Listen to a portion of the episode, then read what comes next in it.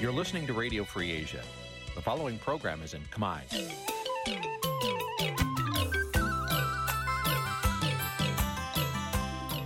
នេះជាកម្មវិធីផ្សាយ Vuthu Azizi Serai នេះជាកម្មវិធីផ្សាយរបស់ Vuthu Azizi Serai ជាភាសាខ្មែរ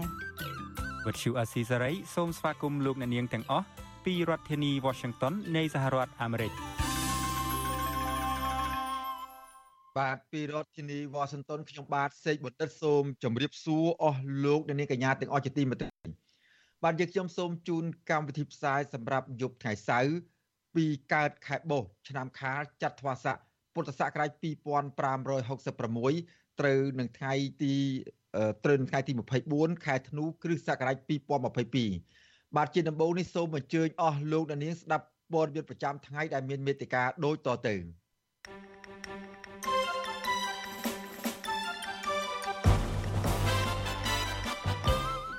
ក្តីរំពឹងរបស់សហគមន៍អន្តរជាតិចំពោះការបោះឆ្នោតឆ្នាំ2023ខាងមុខ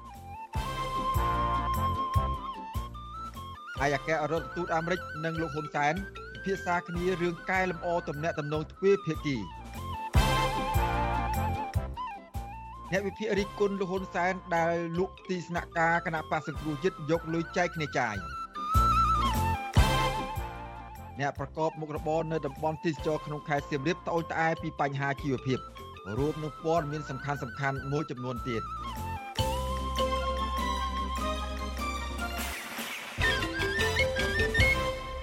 បាទជាបន្តទៅទៀតនេះខ្ញុំបាទសេកបណ្ឌិតសូមជូនព័ត៌មានពិស្ដាបាទលោកនាងកញ្ញាជាទីមេត្រីអាយអគ្គរដ្ឋទូតសហរដ្ឋអាមេរិកលោក Patrick Murphy បានជួបពិភាក្សាជាមួយលោកនាយករដ្ឋមន្ត្រីហ៊ុនសែន នៅស្ថានទូតកាលពីថ្ងៃទី23ខែធ្នូដើម្បីពិភាក្សាលើពិធីកែលម្អទំនាក់ទំនងទ្វេភាគីនៃប្រទេសទាំងពីរបាទអ្នកនាំពាក្យគណៈបកប្រជាជនកម្ពុជា ថាទំនាក់ទំនងកម្ពុជាអាមេរិករយៈពេលចុងក្រោយនេះមានភាពតានតឹងដោយសារតែមជ្ឈដ្ឋានមួយចំនួនចោទកម្ពុជាថាលំអៀងទៅរកចិន បាទអ្នកជំនាញថាជំនួបនេះគឺជាសញ្ញាល្អមួយ ក្នុងការពង្រឹងកិច្ចសហប្រតិបត្តិការនៃប្រទេសទាំងពីរ ប៉ុន្តែអ្នកជំនាញដដែលមិនរំពឹងថាកម្ពុជាឆ្លើយតបជាវិជ្ជមានរឿងស្ដារប្រជាធិបតេយ្យនិងការគោរពសិទ្ធិមនុស្សតាមការស្នើសុំរបស់សហរដ្ឋអាមេរិកនោះទេបាទលោកលាននឹងបានស្ដាប់សេចក្តីរាយការណ៍ពិស្ដារអំពីរឿងនេះនៅពេលបន្តិចទៀតហើយពីនោះដែរលោកលានក៏នឹងបានស្ដាប់បទសម្ភាសន៍មួយជាមួយនឹងអ្នកវិភាគសង្គមអំពីបញ្ហានេះផងដែរបាទសូមលោកលានរងចាំស្ដាប់សេចក្តីរាយការណ៍និងបទសម្ភាសន៍ជុំវិញរឿងនេះនាពេលបន្តិចនេះកុំបីខានបាទសូមអរគុណ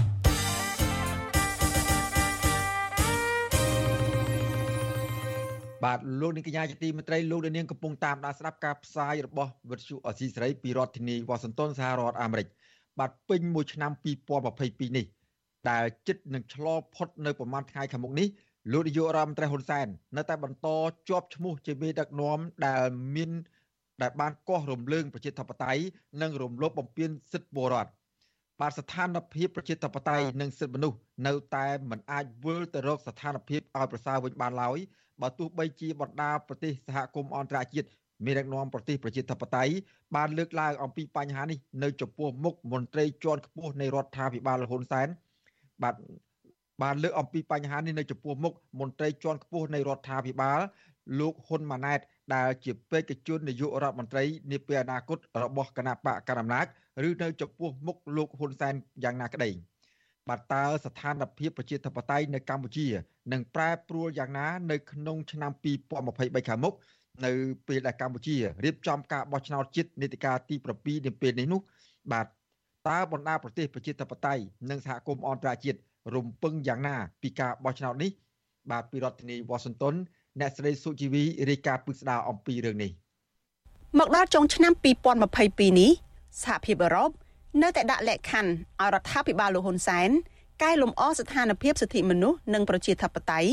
ដើម្បីត្រៀមសម្រាប់ការបោះឆ្នោតជាតិនៅក្នុងឆ្នាំ2023តំណាងជាន់ខ្ពស់នៃសហភាពអឺរ៉ុបទទួលបន្ទុកកិច្ចការបរទេសនិងសន្តិសុខគោលនយោបាយលោក Joseph Borrell កាលពីថ្ងៃទី15ខែធ្នូបានលើកឡើងចំពោះមុខរដ្ឋមន្ត្រីការបរទេសលោកប្រាក់សុខុននៅទីក្រុងប្រូសែលនៃប្រទេសបែលហ្សិកពីលទ្ធភាពដែលកម្ពុជា អាចទទួលបាននៅប្រព័ន្ធអនុគ្រោះពន្ធ EBA ពេញលេញឡើងវិញនោះគឺគ្មានអ្វីក្រៅពីការបើកលំហសេរីភាពនយោបាយសម្រាប់ការបោះឆ្នោតជាតិនៅក្នុងឆ្នាំ2023នោះឡើយនេះមិនមែនជាលើកទី1ទេដែលសហភាពអឺរ៉ុបដាក់លក្ខខណ្ឌឲ្យកម្ពុជា កាលពីខែឧសភាសហភាពអឺរ៉ុបបានឲ្យសមាជិកសភាតាមដានដំណើរការបោះឆ្នោតនៅកម្ពុជាទាំងការបោះឆ្នោតក្រុមប្រឹក្សាឃុំសង្កាត់នៅក្នុងឆ្នាំ2022និងការបោះឆ្នោតនៅក្នុងឆ្នាំ2023 និងថាប្រសិនបើមិនប្រព្រឹត្តទៅដោយសេរីត្រឹមត្រូវនឹងយុត្តិធម៌ទេនោះសហភាពអឺរ៉ុបនឹងស្នើឲ្យលុបចោលប្រព័ន្ធអនុគ្រោះពន្ធ EBA ទាំងស្រុងពីកម្ពុជាតែម្ដងមិនខុសគ្នានេះគឺនៅលើទឹកដីអឺរ៉ុបដែរប្រធានាធិបតីបារាំងលោកអេម៉ានូអែលម៉ាក្រុងនៅចំពោះមុខលោកហ៊ុនសែនបានលើកឡើងពីការចង់ឃើញដំណើរការបោះឆ្នោតតាមបែបប្រជាធិបតេយ្យដែរ Et dans la continuité de notre action commune នៅក្នុងការបន្តសកម្មភាពរួមគ្នាយើងបានជជែកផងដែរពីការលុបបំបាត់ការកាត់ទោសប្រហារជីវិត និងប្រយុទ្ធប្រឆាំងអំពើនីតិរដ្ឋភាព នៅមុនពេលព្រឹត្តិការណ៍ដែលនឹងចូលមកដល់នៅក្នុងពេលឆាប់ឆាប់ខាងមុខនេះប្រទេសបារាំងនឹងបន្តជំហរជួយជ្រោមជ្រែងកម្ពុជា ក្នុងការត្រៀមខ្លួនឲ្យមានការបោះឆ្នោតតាមបែបប្រជាធិបតេយ្យ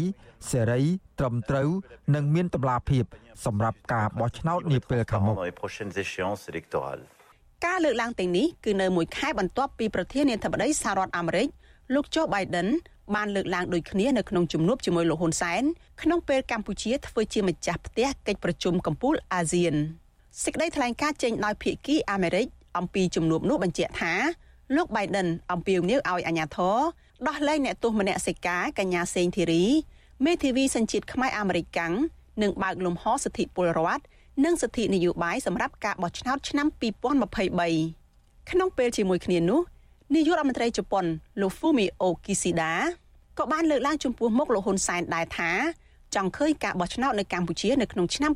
2023ខាងមុខដំណើរការទៅដោយសេរីត្រឹមត្រូវយុត្តិធម៌និងឆ្លុះបញ្ចាំងពីសម្លេងចម្រុះរបស់ពលរដ្ឋកម្ពុជា ក្នុងចំណោមការទៀមទាទាំងនេះលោកហ៊ុនសែនផ្ដល់ចម្លើយសមរម្យតែមួយគត់គឺលោកឆ្លើយទៅលោកគីស៊ីដាថា នឹងប្រឹងប្រែងធានាឲ្យការបោះឆ្នោតនៅឆ្នាំក្រោយនេះសេរីត្រឹមត្រូវនិងយុត្តិធម៌ចំណែកនៅលើទឹកដីអឺរ៉ុបកាលពីថ្ងៃទី13ខែធ្នូលោកហ៊ុនសែនអះអាងថាកម្ពុជាមិនអាចយកឯករាជ្យនិងអធិបតេយ្យជាតិទៅដោះដូរជាមួយជំនួយឬការអនុគ្រោះណាមួយនោះទេហើយខ្ញុំដាក់បំរាមអត់ឲ្យមន្ត្រីរបស់ខ្ញុំសុំអីណាណាត្រឡប់មកវិញភាពអនុគ្រោះណាខ្ញុំបាននិយាយហើយ ថាខ្ញុំមិនអាចយកឯករាជ្យអធិបតេយ្យភាពទៅដោះដូរជាមួយជំនួយឬភាពអនុគ្រោះណាទាំងអស់ហើយចង់ឲ្យឲ្យសម្រាប់ប្រទេសជប៉ុនក្រុមមេដឹកនាំប្រទេសនេះមិនបញ្ឈប់បង្ហាញបំណងប្រាថ្នារបស់ពួកគេត្រឹមលោកហ៊ុនសែនទេគេបានលើកឡើងបញ្ហានេះនៅចំពោះមុខកូនប្រុសរបស់លោកហ៊ុនសែនគឺលោកហ៊ុនម៉ាណែតដែលជាបេក្ខជននាយករដ្ឋមន្ត្រីអនាគតរបស់គណៈបកប្រជាជនកម្ពុជានោះថែមទៀតតួយ៉ាងកាលពីពាក់កណ្ដាលខែកុម្ភៈ រដ្ឋមន្ត្រីការបរទេសជប៉ុនលោកហាយ៉ាស៊ីយូស៊ីម៉ាសាបានប្រាប់លោកហ៊ុនម៉ាណែតថាជប៉ុនមានគោលបំណងជួយជំរុញប្រជាធិបតេយ្យនៅកម្ពុជាតាមរយៈការបោះឆ្នោតរួមទាំងការបោះឆ្នោតនៅឆ្នាំក្រោយដែលតំណាងឲ្យសម្លេងចម្រុះរបស់ពលរដ្ឋនិងឆ្លុះបញ្ចាំងពីឆន្ទៈរបស់ពលរដ្ឋការបោះឆ្នោតជ្រើសតាំងតំណាងរាស្ត្រអាណត្តិទី7នឹងប្រព្រឹត្តទៅ នៅខែកក្កដាឆ្នាំ2023គិតត្រឹមឆ្នាំ2023 កម្ពុជាបានឆ្លងកាត់ការបោះឆ្នោតរយៈពេល30ឆ្នាំមកហើយ30ឆ្នាំក្រោយការបោះឆ្នោតលើកទី1កាលពីឆ្នាំ1993លោកហ៊ុនសែននៅតែជានាយករដ្ឋមន្ត្រីហើយក៏នៅតែមានឥទ្ធិពលលើដំណើរការបោះឆ្នោតដដែលតាមរយៈការប្រើអំណាចជាបរិះខ្លាំងការគំរាមកំហែងការធ្វើទុកបុកម្នេញការរឹតបន្តឹងសេរីភាពពលរដ្ឋនិងរំលាយដៃគូប្រកួតប្រជែងនយោបាយអ្នកខ្លំមើលការបោះឆ្នោតមើលឃើញថាអតិពលរបស់លោកហ៊ុនសែនដែលមិនប្រែប្រួល ឬមិនមានការបើកជំហរសម្រាប់ដំណើរការប្រជាធិបតេយ្យពិតប្រាកដនេះនឹងនាំឲ្យការបោះឆ្នោតនៅក្នុងឆ្នាំ2023ខាងមុខនេះនៅតែមិនសេរីមិនត្រឹមត្រូវនិងមិនយុត្តិធម៌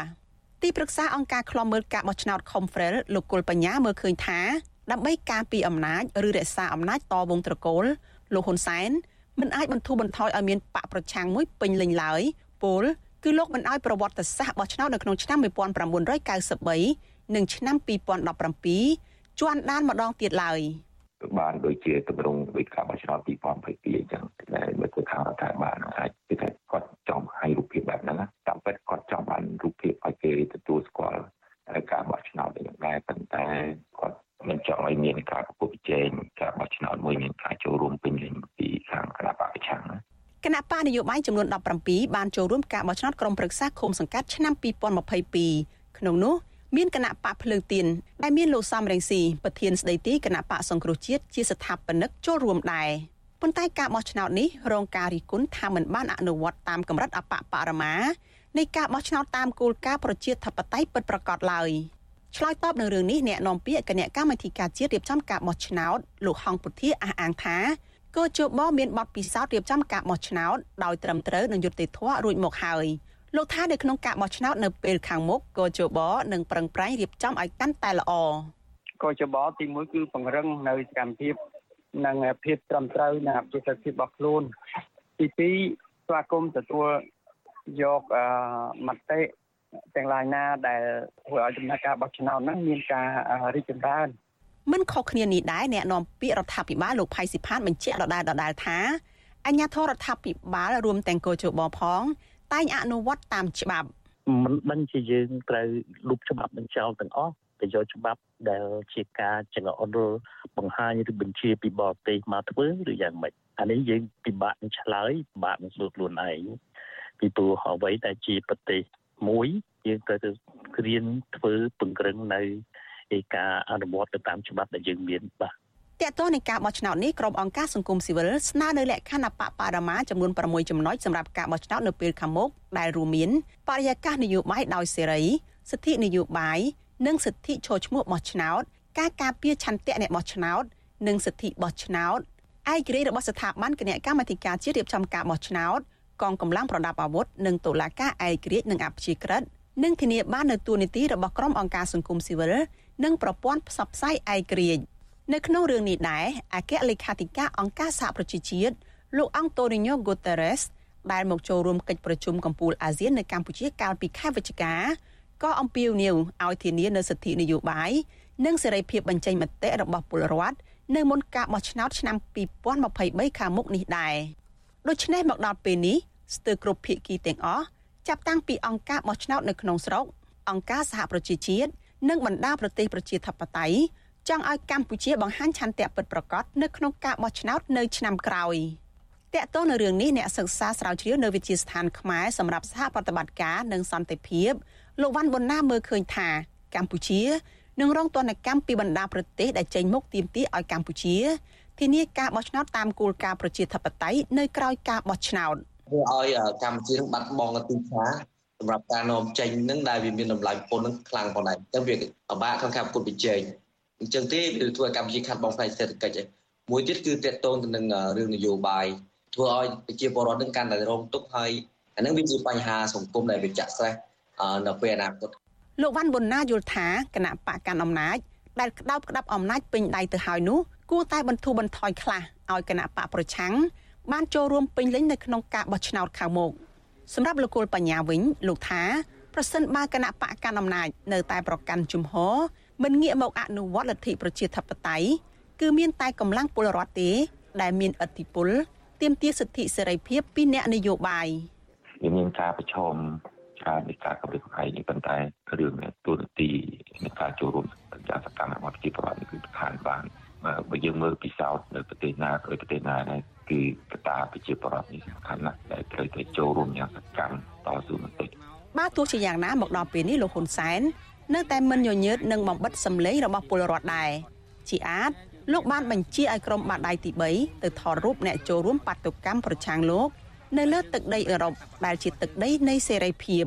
ចំណែកស្ថានភាពនយោបាយវិញក៏មិនធូរស្រាលដែរប្រធានគណៈបកសង្គ្រោះជាតិលោកកឹមសុខា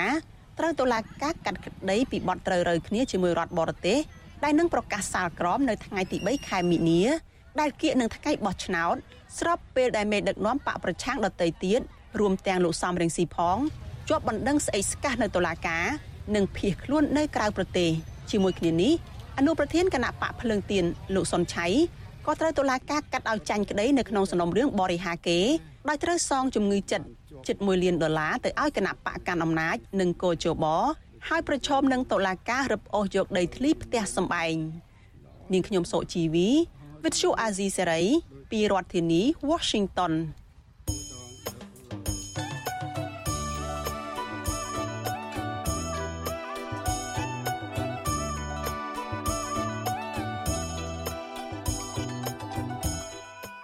បាទលោកនាងកញ្ញាជាទីមេត្រីដំណើរគ្នានឹងការស្ដាប់កាប់ផ្សាយរបស់វិទ្យុអេស៊ីសេរីតាមបណ្ដាញសង្គម Facebook និង YouTube នោះលោកនាងក៏អាចស្ដាប់កម្មវិធីផ្សាយរបស់វិទ្យុអេស៊ីសេរីតាមរយៈរលកធារកាសខ្លីឬ Shortwave តាមកម្រិតនិងកម្ពស់ដូចតទៅនេះបាទពេលព្រឹកចាប់ពីម៉ោង5កន្លះដល់ម៉ោង6កន្លះតាមរយៈប៉ុស SW 9.39 MHz ស្មើនឹងកម្ពស់ 32m និងប៉ុស SW 11.85 MHz ស្មើនឹងកម្ពស់ 25m បាទនៅពេលយប់ចាប់ពីម៉ោង7កន្លះដល់ម៉ោង8កន្លះតាមរយៈរលកធារកាសខ្លីប៉ុស FW 9.39 MHz ស្មើនឹងកម្ពស់ 32m ប៉ុស FW 11.88 MHz ស្មើនឹងកម្ពស់ 25m និងប៉ុស FW 15.15 MHz ស្មើនឹងកម្ពស់ 20m បាទសូមអរគុណ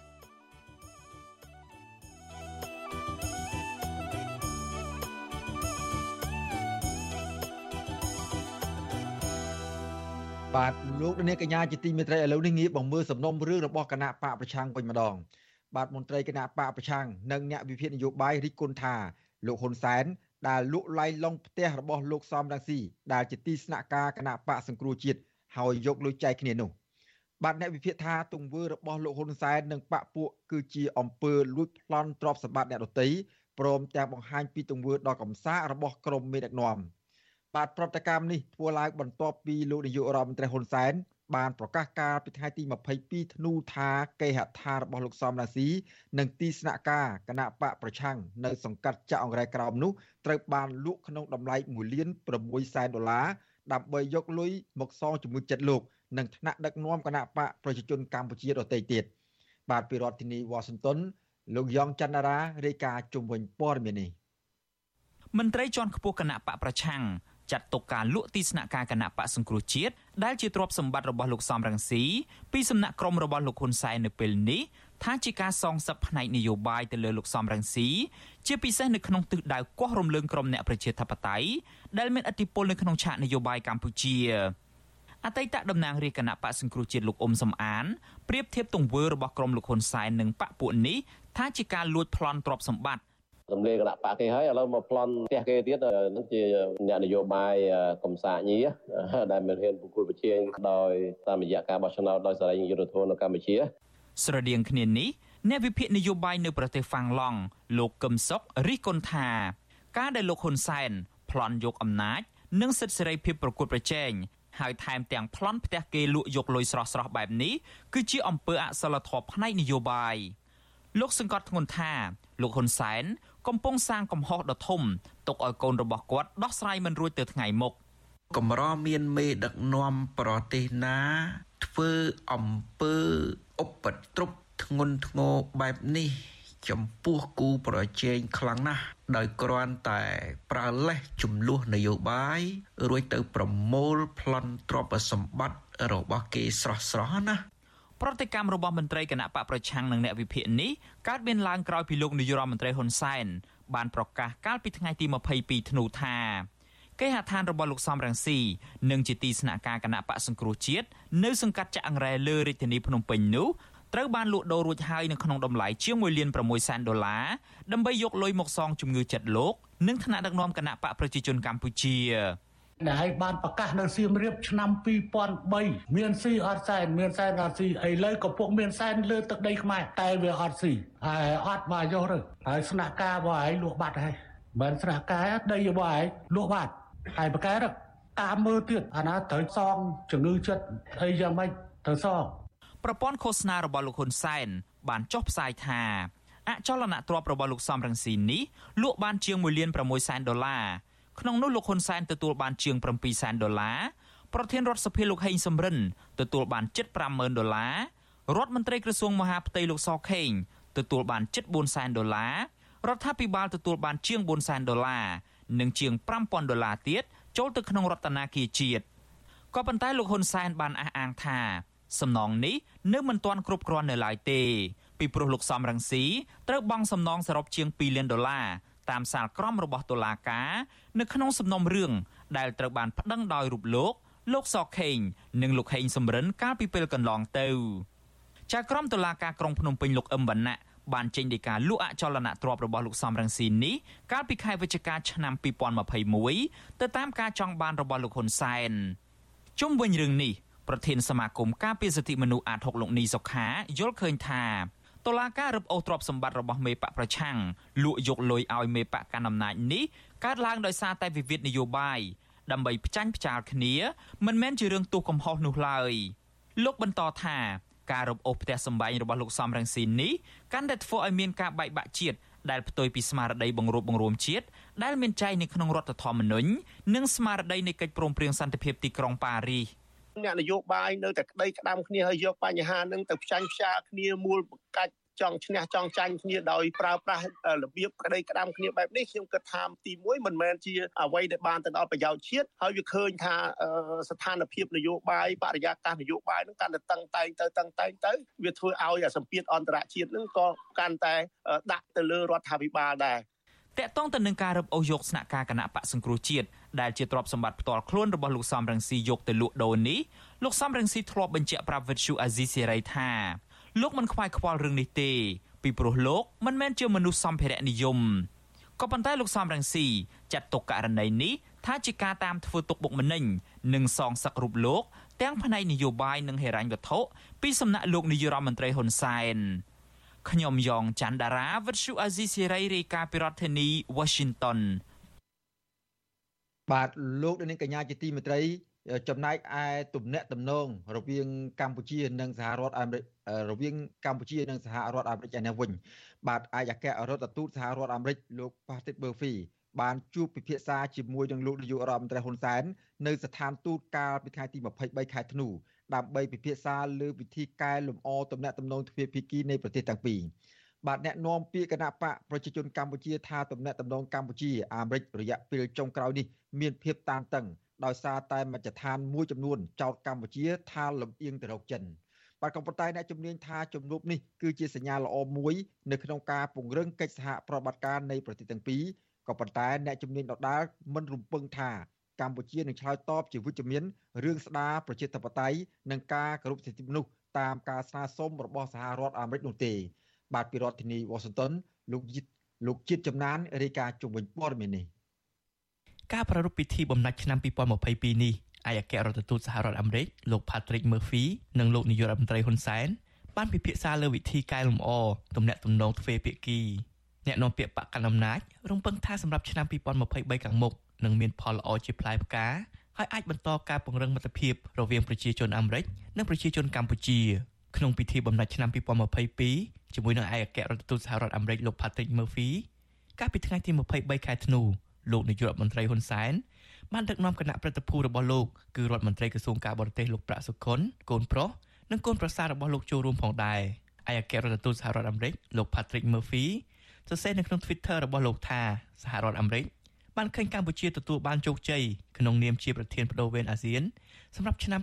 2022និងការរៀបចំកិច្ចប្រជុំកំពូលអាស៊ានបង្កើតទំនាក់ទំនងនឹងសហរដ្ឋអាមេរិកលោកបន្តថាលោកហ៊ុនសែនបានចូលរួមពិធីឆ្លងឆ្នាំហើយបានជជែកដើម្បីស្វែងរកលទ្ធផលកែលម្អទំនាក់ទំនងទ្វេភាគី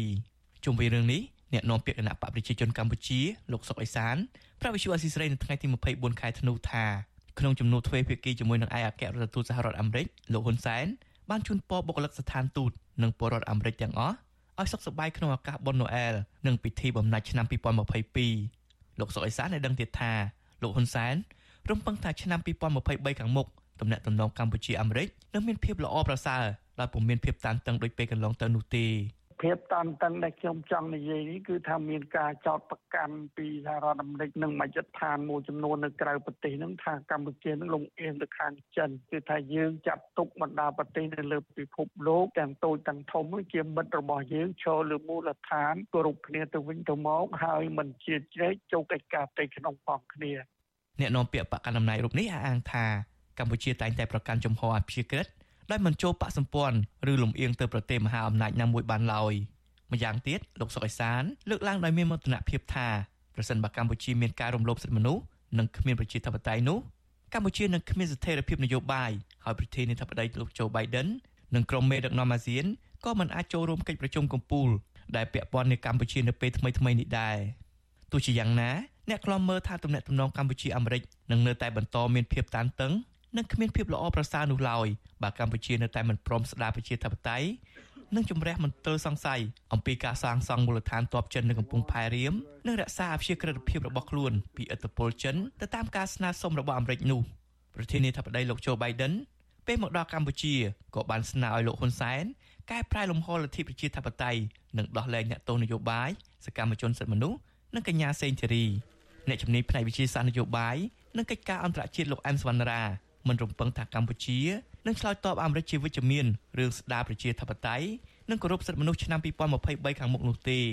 លោកថាកន្លងមកអាមេរិកតែងតែស្នើដល់កម្ពុជាឲ្យបើកលំហប្រជាធិបតេយ្យដោះលែងអ្នកទោសនយោបាយជាពិសេសដោះលែងមេធាវីខ្មែរសញ្ជាតិអាមេរិកកញ្ញាសេនធីរីឲ្យមានសេរីភាពប៉ុន្តែកម្ពុជាហាក់មិនទាន់បង្ហាញឆន្ទៈដើម្បីឆ្លើយតបជាវិជ្ជមានណាមួយឡើយ។ កាលណាបើសិនបើកម្ពុជាមិនឆ្លើយតបទៅនឹងគោលការណ៍ប្រជាធិបតេយ្យនិងសិទ្ធិមនុស្សទេខ្ញុំគិតថាអត្ថប្រយោជន៍ដែលសហរដ្ឋអាមេរិកឬក៏សហគមន៍រដ្ឋផ្ដល់កម្ពុជាដោយផ្អែកទៅលើហេតុគោលការណ៍ជាមូលដ្ឋានពាក់ព័ន្ធនឹងប្រជាធិបតេយ្យសិទ្ធិមនុស្សនឹងប្រហែលជាកម្ពុជាយើងលែងទទួលបានណាដោយសារតែយើងមិនបានឆ្លើយតបទៅនឹងលក្ខខណ្ឌអនុវត្តដើម្បីទទួលបាននៅអត្ថប្រយោជន៍ពាណិជ្ជកម្មចំណែកអ្នកវិភាគនយោបាយលោកកឹមសុខយល់ថាជំហររបស់អាមេរិកក្នុងចេតនាចង់ឲ្យកម្ពុជាមានប្រជាធិបតេយ្យនោះ ឆ្លុះបញ្ចាំងឲ្យឃើញថាអាមេរិកនឹងមិនបោះបង់ប្រជាជនកម្ពុជាឡើយលោកជឿជាក់ថាទំនាក់ទំនងកម្ពុជានិងអាមេរិកនឹងមានភាពល្អមួយរយៈពេលខ្លីប្រសិនបើកម្ពុជាដោះស្រាយស្ថានភាពនយោបាយដែលកំពុងជាប់គាំងបើកលំហសេរីភាពពលរដ្ឋនិងសង្គមស៊ីវិលឲ្យមានភាពល្អប្រសើរមិនតែប៉ុណ្ណោះលោកថាកម្ពុជាក៏អាចទទួលបានប្រយោជន៍សេដ្ឋកិច្ចនិងជំនួយអភិវឌ្ឍពីអាមេរិកនិងសហភាពអឺរ៉ុបផងដែរប្រសិនបើរដ្ឋាភិបាលរបស់លោកនាយករដ្ឋមន្ត្រីហ៊ុនសែនមិនបង្ហាញសញ្ញានៃលទ្ធភាពដែលអាចដោះស្រាយចេញជាផលវិជ្ជមាន លើវិបត្តិពីរទី1ការស្ដារលទ្ធិប្រជាធិបតេយ្យកម្ពុជាឡើងវិញ ទី2ការជំរះការសង្ស័យលើមូលដ្ឋានកងទ័ពជើងទឹកសមុទ្ររៀមដែលមានការចោទប្រកាន់ពាក់ព័ន្ធវត្តមានគ្មានដំឡានៃកងទ័ពសាធារណរដ្ឋប្រជាមានិតចិនទំនាក់ទំនងកម្ពុជានិងសហរដ្ឋអាមេរិកនៅតែបន្តល្អក់កកពិបាកស្ដារឲ្យស្រស់បំព្រងណាស់នៅឆ្នាំខាងមុខទំនាក់ទំនងកម្ពុជាអាមេរិកត្រូវបានគេមើលឃើញថាគ្មានភាពល្អប្រសើរឡើងក្រោយរដ្ឋាភិបាលឯកបកបំផ្លាញប្រជាធិបតេយ្យនិងមានការរំលោភសិទ្ធិមនុស្សធ្ងន់ធ្ងរលើពីនេះទៀតកម្ពុជាក្រោមការដឹកនាំដោយលោកហ៊ុនសែនបានរិះគន់ថាអនុវត្តគោលនយោបាយលំអៀងទៅចិនខ្លាំងនិងបានបង្កើតទំនាក់ទំនងជាមួយប្រទេសចិនកុម្មុយនីសល្មួត រហូតមានការចោទប្រកាន់ថាកម្ពុជាបានចុះកិច្ចព្រមព្រៀងដោយសម្ងាត់ដើម្បីសម្រួលឲ្យមានការសាងសង់មូលដ្ឋានកងទ័ពចិននៅលើទឹកដីខ្មែរគណៈអាមេរិកតែងតែដាស់តឿនរដ្ឋាភិបាលកម្ពុជាថាវត្តមានមូលដ្ឋានទ័ពចិននេះនឹងប្រឆាំងរដ្ឋធម្មនុញ្ញកម្ពុជានិងបង្កឲ្យមានភាពអសន្តិសុខក្នុងតំបន់ខ្ញុំបាទចិត្តចំណាន Visual Assisray ពីរដ្ឋធានី Washington បាទលោកនាងកញ្ញាជាទីមេត្រីបាញ់មិញនេះលោកនាងបានស្ដាប់មតិរបស់អ្នកវិភាគសង្គមគឺលោកអែមសវណ្ណរា និងលោកកឹមសុខហើយពាក់ព័ន្ធនឹងទំនាក់ទំនងទ្វេភាគីរវាងកម្ពុជានិងសហរដ្ឋអាមេរិកដែលគេកំពុងមើលឃើញថាកំពុងតែមានភាពអកកកច្រើននៅក្នុងដំណាក់កាលចុងក្រោយនេះបាទឥឡូវនេះខ្ញុំបាទបានអញ្ជើញលោកបណ្ឌិតសេងសេរី បាទដែលជាអ្នកវិភាគនិងជាអ្នកសិក្សាស្រាវជ្រាវការវិវត្តសង្គមដើម្បីឲ្យលោកមើលមួយជ្រុងទៀតតើតើទំនាក់ទំនងទ្វេភាគីរវាងកម្ពុជានិងសហរដ្ឋអាមេរិកនៅក្នុងដំណាក់កាលចុងក្រោយនេះជាពិសេសនៅមុនពេលបោះឆ្នោតនៅពេលដែលលោកនាយករដ្ឋមន្ត្រីហ៊ុនសែនហាក់បីដូចជាបង្ហាញចំហមួយមានការភ្ញាក់ផ្អើលដែលលោកបានអញ្ជើញទៅដល់ស្ថានទូតតែម្ដងដើម្បីជួបជាមួយនឹងលោក Patrick Murphy ដើម្បីពិភាក្សាអំពីការងារមួយចំនួនជាពិសេសផ្ដោតទៅលើការទំនាក់ទំនងនិងពង្រឹងកិច្ចសហប្រតិបត្តិការរវាងកម្ពុជានិងសហរដ្ឋអាមេរិកតើដំណាក់កាលចុងក្រោយនិងសកម្មភាពចុងក្រោយរបស់លោកនាយករដ្ឋមន្ត្រីហ៊ុនសែននេះវាឆ្លោះបញ្ចាំងយ៉ាងដូចម្តេចខ្លះបាទខ្ញុំបាទសូមជម្រាបសួរលោកសេងសេរីពីចម្ងាយបាទបាទសូមជម្រាបសួរបាទលោកជួយបណ្ឌិតបាទបាទលោកលោកបណ្ឌិតមួយរយៈពេលចុងក្រោយនេះចិត្តឆ្លងចូលឆ្នាំថ្មីវងតើលោកបណ្ឌិតមានសុខភាពនិងមានសុខទុក្ខយ៉ាងណាបាទបាទសុខទុក្ខធម្មតាបាទទុក្ខធម្មតាបាទអរគុណតាមធម្មជាតិបាទបាទ អរគុណលោកបណ្ឌិតតើតំណែងតំណងរវាងសហរដ្ឋអាមេរិកនិងកម្ពុជាដោយលោកបណ្ឌិតបានជ្រាបហើយមានសេចក្តីរាយការណ៍ច្រើនណាស់ដែលបង្ហាញអំពីភាពល្អកកច្រើននៅពេលដែលកម្ពុជាហាក់បីដូចជាមានទំនោរទៅរកចិនហើយបែរជាមិនសូវមានភាពស្និទ្ធស្នាលប្រមាណទេហើយមានការចោទប្រកាន់មានការមើលបំណាំគ្នាច្រើនរវាងសហរដ្ឋអាមេរិកនិងកម្ពុជានេះហើយ ក៏ប៉ុន្តែនៅថ្ងៃនេះលោកនាយករដ្ឋមន្ត្រីហ៊ុនសែនបានធ្វើដំណើរទៅស្ថានទូតផ្ទាល់តែម្ដងដើម្បីថាក្នុងគោលដៅពង្រឹងនៃកិច្ចសហប្រតិបត្តិការនិងធ្វើយ៉ាងម៉េចឲ្យមានភាពជិតស្និទ្ធគ្នារវាងទំនាក់ទំនងនៅប្រទេសទាំងពីរឡើងវិញនោះបាទតើការធ្វើដំណើរទៅរបស់លោកនាយករដ្ឋមន្ត្រីហ៊ុនសែនទៅស្ថានទូតសហរដ្ឋអាមេរិកនៅកម្ពុជានៅពេលនេះតើលោកមើលឃើញយ៉ាងម៉េចដែរបាទអនុញ្ញាតជម្រាបសួរបងប្អូនអ្នកស្ដាប់អាស៊ីសេរីហើយ អ្វីដែលខ្ញុំសង្កេតឃើញថាវាជាព្រឹត្តិការណ៍មួយដែលមិនដែលកើតឡើងចំពោះដំណើរទស្សនកិច្ចឬវត្តមានរបស់លោកនាយករដ្ឋមន្ត្រីហ៊ុនសែននៅក្នុងស្ថានទូតជាពិសេសគឺក្រោយពេលកិច្ចប្រជុំកំពូលអាស៊ានចប់កាលពីថ្មីថ្មីនេះអំឡុងពេលកម្ពុជាជាប្រធានអាស៊ានអ្វីដែលខ្ញុំចង់ជម្រាបជូនខ្ញុំចង់ឲ្យ លោកអ្នកស្ដាប់រួមទាំងលោកសេបណ្ឌិតផងជួយពិនិត្យមើលចំនួន4ចំណុចនៃទំនាក់ទំនងកម្ពុជាអាមេរិកមុំទាំង4នេះទី1មុំនៃទំនាក់ទំនងទ្វេភាគីដែលផ្ដោតសំខាន់លើកិច្ចការងារនយោបាយសង្គមយើងឃើញថាទំនាក់ទំនងកិច្ចទំនាក់ទំនងនយោបាយរវាងកម្ពុជាអាមេរិកនេះយើងឃើញថាមានភាពប្រកម្មប្រកុសគ្នាច្រើន ជាពិសេសចាប់ពីឆ្នាំ2017មកគឺយើងឃើញថាអំឡុងពេលដែលរដ្ឋាភិបាលសម្រេចរំលាយគណៈបកសង្គ្រោះជាតិដែលជាគណៈបកប្រឆាំងធំជាងគេហើយមានសម្លេងគ្រប់គ្រង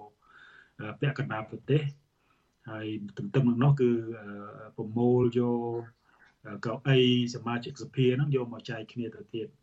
ចឹងហើយតាពីឆ្នាំ2017មកយើងឃើញមានការកម្មគោច្រើន ដែលសហរដ្ឋអាមេរិកបានសន្និដ្ឋានថាកម្ពុជាកំពុងដើរឆ្ពោះទៅរករបបឯកបកដែលមានលក្ខណៈជាអត្ថាអដ្ឋឬក៏អត្ថានិយមឬអត្ថាធិបតេយ្យរបៀបដូចជាផ្ដាច់ការមួយទៀតសហរដ្ឋអាមេរិកក៏តែងតែរិះគន់ទៅលើរឿងការរំលោភបំពានសិទ្ធិមនុស្សបិទសិទ្ធិសេរីភាពការបញ្ចេញមតិសារព័ត៌មាននៃជាដើមហើយចំណុចចុងក្រោយដែលកម្ពុជានៅតែមានវិវាទឬក៏មាន មន្ទិលសង្ស័យរវាងសហរដ្ឋអាមេរិកហ្នឹងគឺរឿងវត្តមានកងទ័ពចិនមូលដ្ឋានទ័ពចិននៅសមុទ្ររៀមនិងនៅខេត្តកោះកុងដូច្នេះអានេះគឺយើងឃើញថាសូម្បីតែលោកโจ Biden ដែលមកទស្សនកិច្ចនៅកម្ពុជាក្នុងកិច្ចប្រជុំកំពូលអាស៊ានអាមេរិកនោះក៏បានលើកឡើងអំពីដំណើរនៃដើរនៃការដើរថយក្រោយនៃលទ្ធិប្រជាធិបតេយ្យរួមទាំងស្នើឲ្យមានការដោះលែងអ្នកទោសនយោបាយសកម្មជនសិទ្ធិមនុស្សអីជាដើម បើយើងមើលពីមុំយើងមើលពីមុំសេដ្ឋកិច្ចយើងឃើញថាទំនាក់ទំនងអាមេរិកជាមួយនឹងកម្ពុជាផ្នែកខាងសេដ្ឋកិច្ចកើនឡើងនៅក្នុងឆ្នាំ2021ទិន្នន័យបង្ហាញថាអឺកំណើននៃការនាំចេញនាំចូលកើនឡើង33%ស្មើនឹងប្រមាណជា8.7000លានដុល្លារអញ្ចឹងយើងឃើញថាពីមួយឆ្នាំទៅមួយឆ្នាំទំនាក់ទំនងសេដ្ឋកិច្ចឬក៏ការផ្លាស់ប្ដូរទំនិញរវាងសហរដ្ឋអាមេរិក ហ្នឹងគឺកើតឡើងហើយចង់ជម្រាបជូនថាកម្ពុជានាំចេញ40%នៃការនៃទំហំនាំចេញសរុបអឺទូទាំងរបស់កម្ពុជាមានន័យថាតែ60%ទៅប្រទេសផ្សេងប៉ុន្តែ40%ហើយទៅទៅសហរដ្ឋអាមេរិកហើយទំហំពាណិជ្ជកម្មនោះយើងឃើញថាមានប្រមាណជា8.7000លាន បើយើងមើលបើយើងមើលផ្នែកខាងជំនួយអាមេរិកក៏ជួយកម្ពុជាច្រើនដែររយៈពេល30ឆ្នាំចុងក្រោយសរុបត្រួសត្រាសគឺប្រមាណជា3000លានហើយបើយើងមើលតំណែងតំណងប្រជាជននិងប្រជាជនកម្ពុជាប្រជាជនអាមេរិកដែលមានកំណើតដើមកម្ពុជានឹងប្រមាណជា30ម៉ឺននាក់អញ្ចឹងហើយតំណែងតំណងជាសាច់ឈាម នៃប្រជាជនខ្មែរដែលមានសញ្ជាតិអាមេរិកហ្នឹងក៏មិនតិចដែរអញ្ចឹងហើយអាមេរិកនៅតែឈរជាមួយនឹងពលរដ្ឋកម្ពុជាដូច្នេះមុំទាំង4នេះបង្ហាញថាមុំ3ផ្សេងទៀតក្រៅពីមុំនយោបាយយើងឃើញថាហាក់ដូចជាមានចំណុចវិជ្ជមានច្រើនក៏ប៉ុន្តែដោយឡែកនៅតែចំណុចមួយចំនួនដែលសហរដ្ឋអាមេរិកតែងតែស្នើសុំឬក៏តែងតែទទូចចង់កម្ពុជាមានការផ្លាស់ប្ដូរហ្នឹងគឺការ ធ្វើម៉េចឲ្យមានការគោរពសិទ្ធិមនុស្សឡើងវិញដើរត្រឡប់មកកន្លងប្រជាធិបតេយ្យហើយការពន្យល់ទៅលើអធិបុលកងទ័ពចិននៅក្នុងប្រទេសកម្ពុជាហ្នឹងបាទបាទអរគុណលោកបណ្ឌិតការរៀបរាប់ទាំង4ចំណុចរបស់លោកបណ្ឌិតហ្នឹងគឺថាមានទំនាក់ទំនងហើយហាក់បីដូចជា ក្តីរំពឹងរបស់ប្រជាពលរដ្ឋខ្មែរដែលចង់ឃើញឲ្យសហរដ្ឋអាមេរិកនិងកម្ពុជានឹងមានទំនាក់ទំនងជាមួយគ្នាល្អល្អសារឡើងវិញជាពិសេសគេចង់ឃើញអំពីការស្ដារលទ្ធិប្រជាធិបតេយ្យនិងសិទ្ធិមនុស្សឡើងវិញលោកបណ្ឌិតបានរៀបរាប់នៅក្នុង4ចំណុចហ្នឹងក៏មានបញ្ចូលទាំងការស្នើសុំរបស់សហរដ្ឋអាមេរិកដល់កម្ពុជាទីសូមឲ្យស្ដារលទ្ធិប្រជាធិបតេយ្យការគោរពសិទ្ធិមនុស្សនិងមានការដោះលែងអ្នកទោសមនសិការជាពិសេស កញ្ញាសេងធីរីដែលកំពុងជាប់នៅក្នុងពន្ធនាគារសកម្មជនគណៈបកប្រឆាំងដទៃទៀតដែលកំពុងជាប់ពន្ធនាគារនោះសូមឲ្យមានការដោះលែងតើបើសិនជាលោកនិតមើលឃើញថាតំណែងតំណងដែលនៅពេលនេះលោកនាយករដ្ឋមន្ត្រីហ៊ុនសែនបានអញ្ជើញទៅដល់ស្ថានទូតអាមេរិកផ្ទាល់ដើម្បីពិភាក្សាអំពីការពង្រឹងតំណែងតំណងនេះតើអាចថាជាកដោមួយសម្រាប់ឆ្នាំថ្មីផងហើយក្នុងចេតនាចង់ឲ្យមានការ កែលម្អស្ថានភាពល្អប្រសើរឡើងវិញមើលមុនការបោះឆ្នោតជាតិនៅឆ្នាំ2023ខាងមុខនេះផងនេះតើលោកនាយករដ្ឋមន្ត្រីហ៊ុនសែននឹងផ្ដល់កាដូណាមួយដល់អ្នកនយោបាយខ្មែរដើម្បីឲ្យមានបរិយាកាសល្អឡើងវិញមុនការបោះឆ្នោតនិងកាដូឆ្នាំថ្មីឆ្នាំសកលឆ្នាំ2023ដែលនឹងចូលមកដល់នៅប្រហែលថ្ងៃនេះដែរទេបាទជាទម្លាប់តាំងពីឆ្នាំ98យើងអត់និយាយឆ្នាំ93ទេ ឆ្នាំពីឆ្នាំ98មកយើងឃើញថាមុនការបោះឆ្នោតមួយឆ្នាំឬក៏មុនការបោះឆ្នោត6ខែយើងឃើញមានស្ថានភាព2ស្ថានភាពទី1គឺមានការសម្របសម្រួលផ្នែកខាងនយោបាយស្ថានភាពមួយទៀតគឺនៅពេលដែលរដ្ឋាភិបាលមានអំណាចគ្រប់គ្រាន់ជាពិសេសអំឡុងពេល2000ឆ្នាំ2008ដែល គណៈបកកណ្ដាលអំណាចបច្ចុប្បន្នគណៈបកប្រជាជននឹងទទួលបានការគ្រប់គ្រងខ្លាំងហ្នឹងគឺឆ្នាំ2013ក៏មានបរិយាកាសមួយជំរុញឲ្យមានការសម្របជំរុញឲ្យមានបរិយាកាសល្អមុនការបោះឆ្នោតហើយរហូតដល់ក្រមគណៈបកដែលមាននិន្នាការប្រកួតប្រជែងរដ្ឋាភិបាលនឹងអាចរួបរวมគ្នាចូលរួមការបោះឆ្នោតឆ្នាំ2013ទៅទៀតហើយយើងឃើញថាមានសម្លេងគ្រប់គ្រងច្រើនទៅទៀត ដូច្នេះបើសិនជាយើងមើលក៏លេងមើលជាទម្លាប់យើងឃើញថាឲ្យតែមានឲ្យតែមុនការបោះឆ្នោតយើងឃើញថាតែងតែមានការបទុបថយស្ថានភាពហើយការបទុបថយស្ថានភាពហ្នឹងគឺតាមរយៈការដោះលែងអ្នកទោសនយោបាយអ្នកទោសមនសិការជំរុញឲ្យមានបរិយាកាសល្អនៅក្នុងការនៅក្នុងការសម្រួលផ្នែកខាងនយោបាយហើយវាអាចជាតិចនិចនៅក្នុងការបង្ហាញទៅអន្តរជាតិជាពិសេស ប្រទេសមហាអំណាចដែលជាប្រទេសដល់ជំនួយនោះឲ្យឃើញថា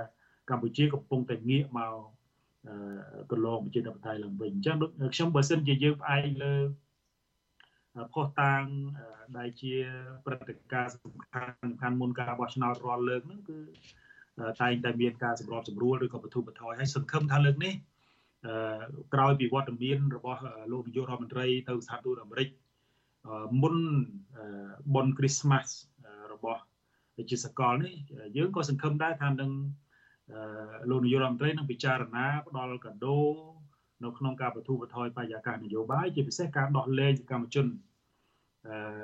សិទ្ធិមនុស្សសកម្មជនសកម្មជននយោបាយហើយរួមទាំងប្រធានគណៈបកសង្គ្រោះជាតិលោកកឹមសុខាផងហើយយើងឃើញថាបាទក្រោយពីការប្រកាសសល់ក្រមអីជាដើមហ្នឹងគឺ តឡាការនឹងផ្ដល់លទ្ធផលនៅថ្ងៃទី3ខែ3ហើយសង្ឃឹមថានឹងមានការដោះលែងលោកកឹមសុខាបាទបាទអឺក្តីសង្ឃឹមនេះតើមានអាចថាអឺ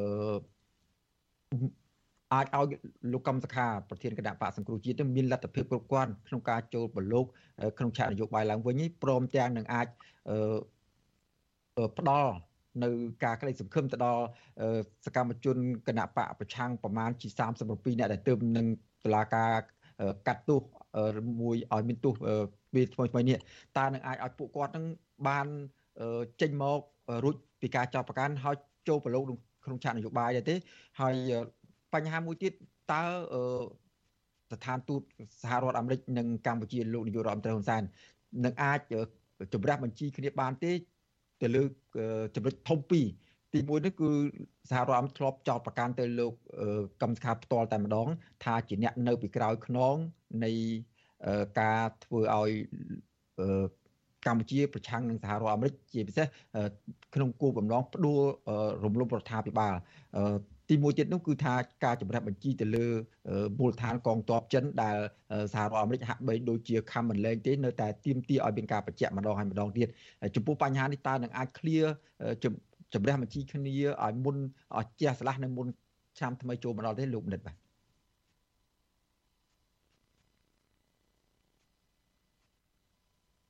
បាទលោកបណ្ឌិតឬខ្ញុំទេបាទលោកបណ្ឌិតសេងសេរី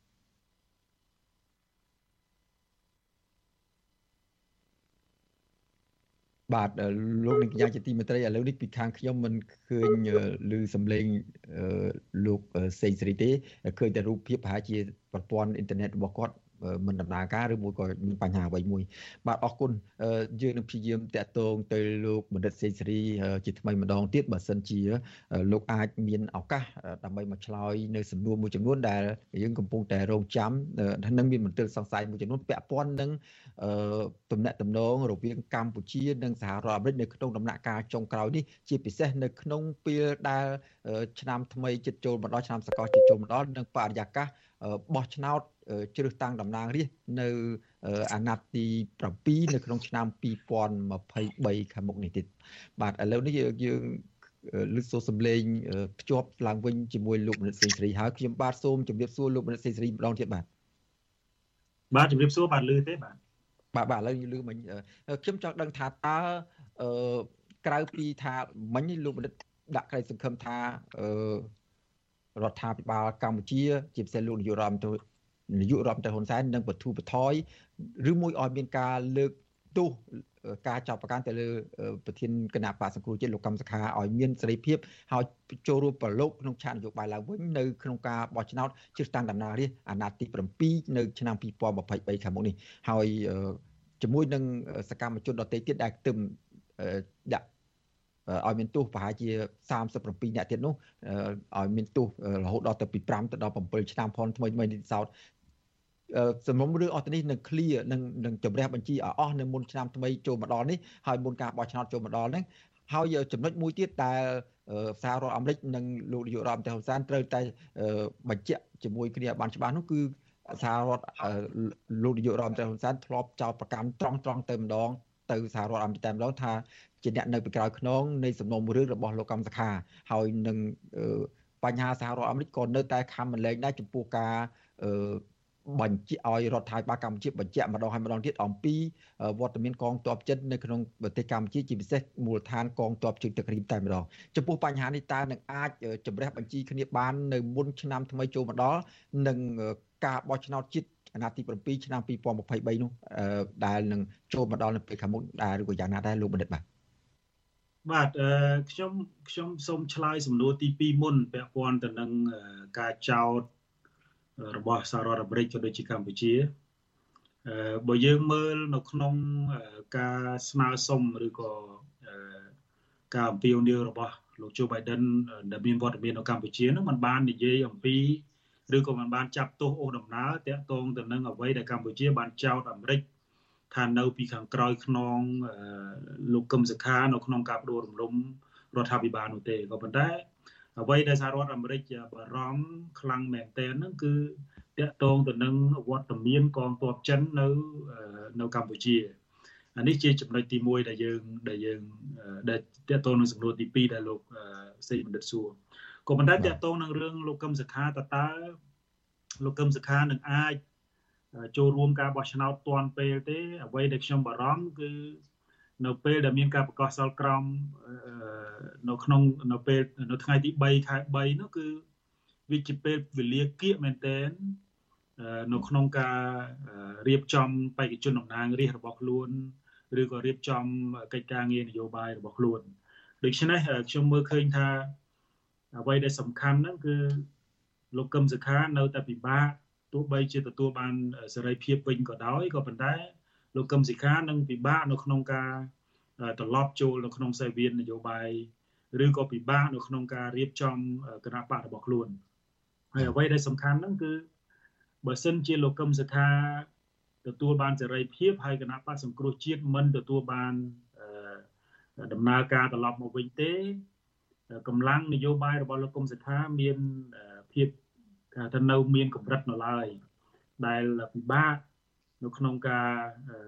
នៅក្នុងការចូលរួមឬក៏ក្នុងការទទួលបានការគ្រប់គ្រងដូច្នេះអ្វីដែលលោកកឹមសុខា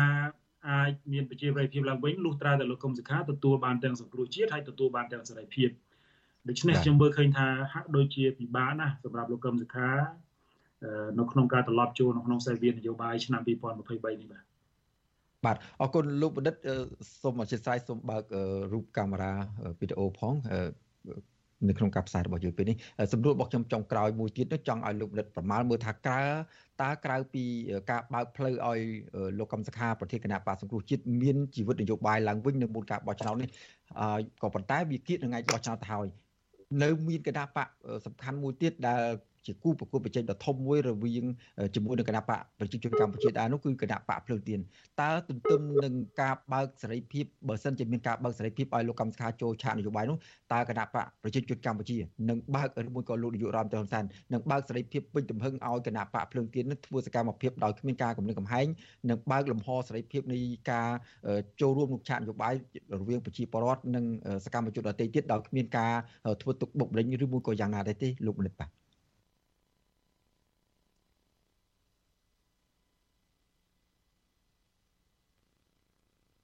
បាទប្រហែលជាប្រព័ន្ធអ៊ីនធឺណិតឬមួយក៏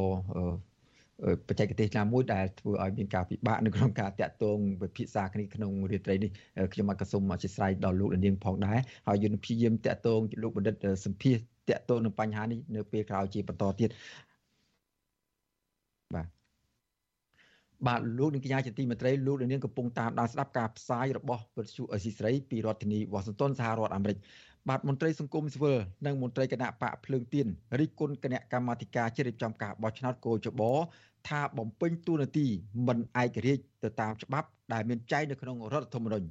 បាទការលើកឡើងនេះបន្ទាប់ពីកោជបបានផ្ញើលិខិតអបអរសាទរមួយច្បាប់ជូនដល់លោកហ៊ុនសែនដែលទទួលបានពានរង្វាន់សមិទ្ធផលមួយជីវិតរបស់មេដឹកនាំឆ្នាំពិភពលោកលិខិតចុះលិខិត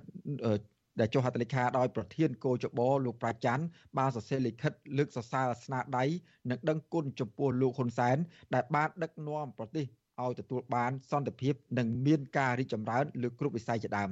បាទមន្ត្រីជាន់ខ្ពស់កោជបអះអាងថាលិខិតនោះមិនធ្វើឲ្យប៉ះពាល់ដល់ដំណើរការបោះឆ្នោតនិងឯករាជ្យភាពរបស់កោជបនោះទេបាទពីរដ្ឋធានី Washington លោកលេងម៉ាលីរាយការណ៍ជុំវិញព័ត៌មាននេះ មន្ត្រីសង្គមស៊ីវិលគណៈបកនយោបាយរួមទាំងសាធារណជនមួយចំនួនលើកឡើងថាគណៈកម្មាធិការជាតិរៀបចំការបោះឆ្នោតឬក៏ជបជាស្ថាប័នមួយដើរតួនាទីយ៉ាងសំខាន់ក្នុងការរៀបចំការបោះឆ្នោតហើយស្ថាប័នកោជបជាស្ថាប័នមួយឯករាជ្យមិនត្រូវស្ថិតនៅក្រោមសម្ពាធគណៈបកនយោបាយណាមួយនោះទេប៉ុន្តែពួកគេថាការដែលស្ថាប័នកោជបលើកសរសើរពីគុណបំណាច់របស់មេដឹកនាំនយោបាយណាម្នាក់ គឺមិនបង្ហាញពីភាពឯករាជ្យក្នុងការបំពេញកិច្ចការរបស់ខ្លួនទេ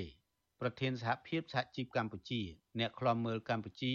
និងជាអតីតសមាជិកគណៈកម្មាធិការជាតិរៀបចំការបោះឆ្នោតគឺលោករងឈុនថ្លែងថាស្ថាប័នកោជបជាស្ថាប័នឯករាជ្យមិនគួរចេញលិខិតលើកសរសើរឬលើកតម្កើងចំពោះអ្នកនយោបាយណាម្នាក់នោះទេពីព្រោះបញ្ហានេះធ្វើឲ្យពលរដ្ឋមានមន្ទិលសង្ស័យនិងដកសេចក្តីទុកចិត្ត លោកជំរុញដល់កោជបថាត្រូវអនុវត្តច្បាប់ឲ្យបានត្រឹមត្រូវនិងចេះទទួលយកមតិយោបល់នានាយកមកពិនិត្យនិងដោះស្រាយដោយជៀសវាងការប្តឹងផ្តល់អ្នករិះគន់រឿងបោះឆ្នោតដែលផ្ដល់គំរូអាក្រក់ដល់ប្រទេសកម្ពុជាគណៈកម្មការរៀបចំការបោះឆ្នោតដែលយើងចាត់ទុកថាជាអាជ្ញាកណ្ដាលហើយដែលជាស្ថាប័នធម្មនុញ្ញហើយឯករាជ្យប៉ុន្តែនៅពេលដែលយើងនិយាយលើក តម្កើងអិសរជនណាមួយ ដែលស្ថិតនៅក្នុងបកមួយអានឹងដែលឆ្លុះបញ្ចាំងឲ្យឃើញថាស្ថាប័នហ្នឹងបីដូចជាមាន លំអៀងទៅខាងភាគីហ្នឹងហើយ ហើយដែលធ្វើឲ្យពលរដ្ឋហ្នឹងនឹងដកសេចក្តីទុកចិត្តបាទបាត់បង់ជំនឿទៅលើអាញាកដាលដែលនឹងបោះឆ្នោតនៅពេលខាងមុខនេះបាទ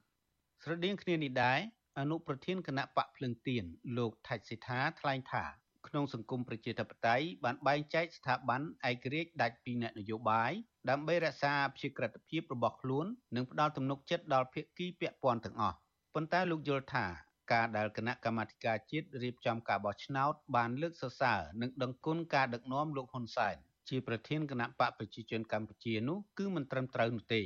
លោកបន្តថាសារបែបនេះនឹងធ្វើឲ្យប្រជាពលរដ្ឋនិងសហគមន៍អន្តរជាតិមើលឃើញកាន់តែច្បាស់ថា ស្ថាប័នកោជបមិនរក្សាជំហរឯករាជ្យដោយអែបអបអ្នកនយោបាយកាន់អំណាច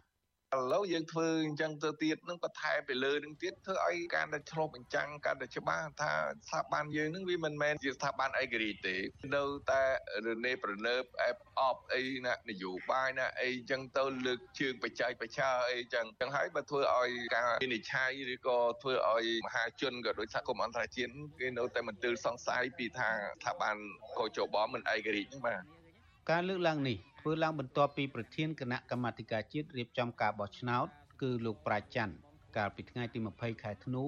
បានផ្ញើលិខិតអបអរសាទរមួយច្បាប់ជូនលោកហ៊ុនសែនដែលទទួលបានពានរង្វាន់សមិទ្ធផលពេញមួយជីវិតរបស់មេដឹកនាំឆ្នើមពិភពលោក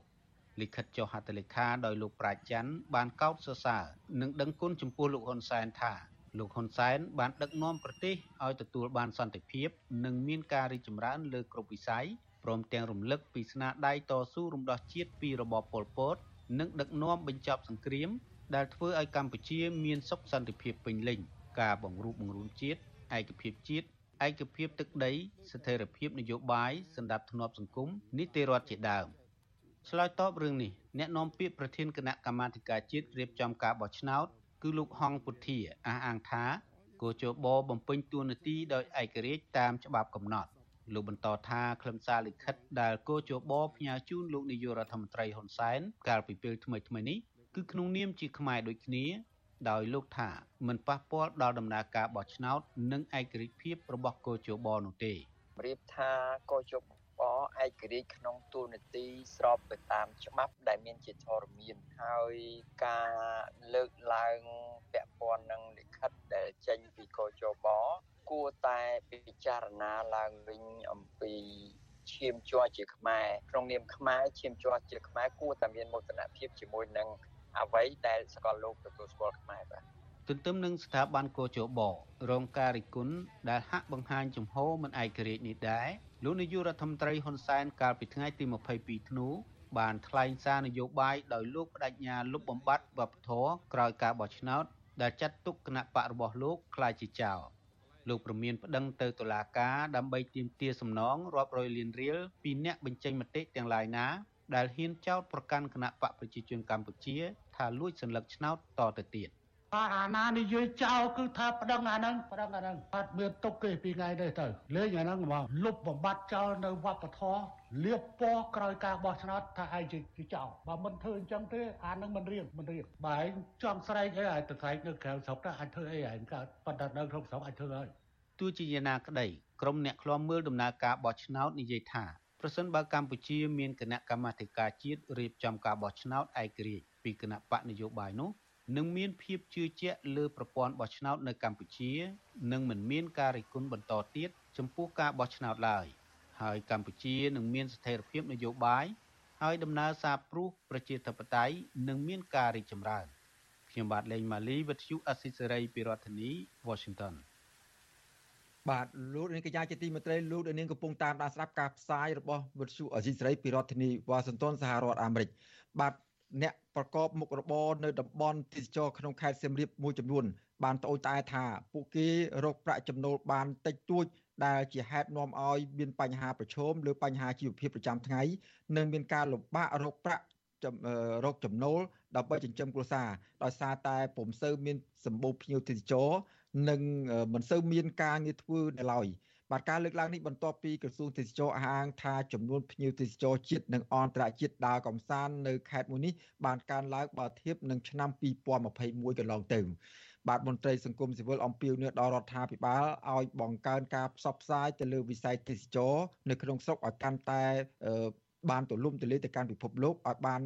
ល្អប្រសើរដើម្បីតាក់ទាញភ្ញៀវទេសចរឲ្យចូលមកលេងកំសាន្តនៅក្នុងប្រទេសកម្ពុជាបានច្រើនដូចជានៅក្នុងប្រទេសជិតខាងដែរ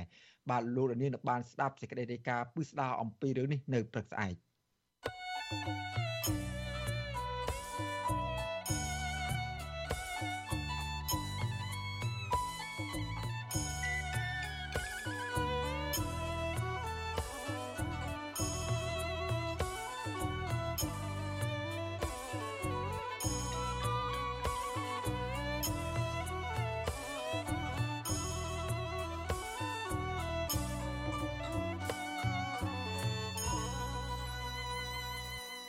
លោកនាងកញ្ញាជាទីមេត្រីលោកនាងកំពុងតាមដានស្ដាប់ការផ្សាយរបស់វិទ្យុអេស៊ីស្រីពីរដ្ឋធានីវ៉ាស៊ីនតោនសហរដ្ឋអាមេរិក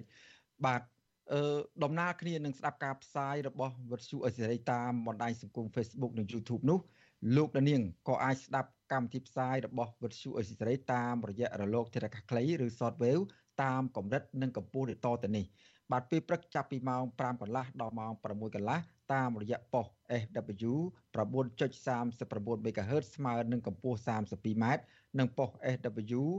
11.85 MHz ស្មើនឹងកម្ពស់ 25m បាទនៅពេលយប់ចាប់ពីម៉ោង7កន្លះដល់ម៉ោង8កន្លះតាមរយៈប៉ុស SW 9.39 MHz ស្មើនឹងកម្ពស់ 32m